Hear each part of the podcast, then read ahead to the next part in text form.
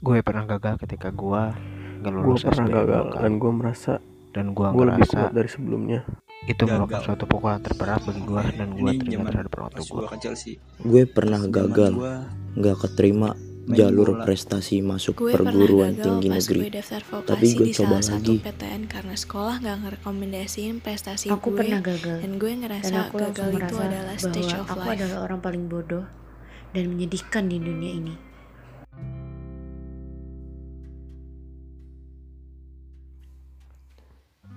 Manusia tercipta dari rentetan kegagalan.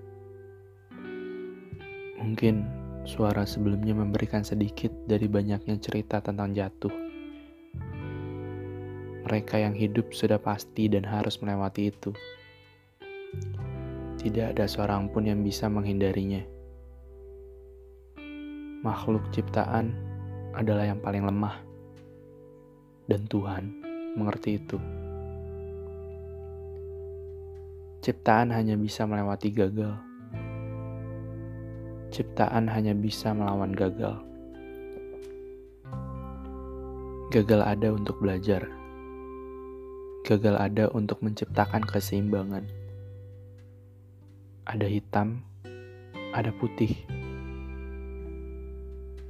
Di balik pencapaianmu sekarang, ada tumpukan gagal yang berhasil memecutmu bergerak dan belajar. Semakin terbentur, semakin terbentuklah. Semakin terbentuklah kita sebagai insan. Lebih kuat dari sebelumnya, lebih siap dari yang sudah-sudah. Karena usahamu belum cukup, gagal ada untuk memelukmu dan memberikanmu semangat yang mungkin hal lain gak pernah bisa kasih itu. Setiap dari kita sudah memiliki porsi gagal. Tinggal pribadi kita yang mau atau tidak untuk bergerak dan belajar. Gagal itu pengingat kalau kamu sudah terlalu lama berhenti.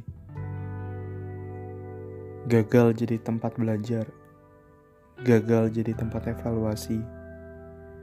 Jangan terlalu lama berhenti.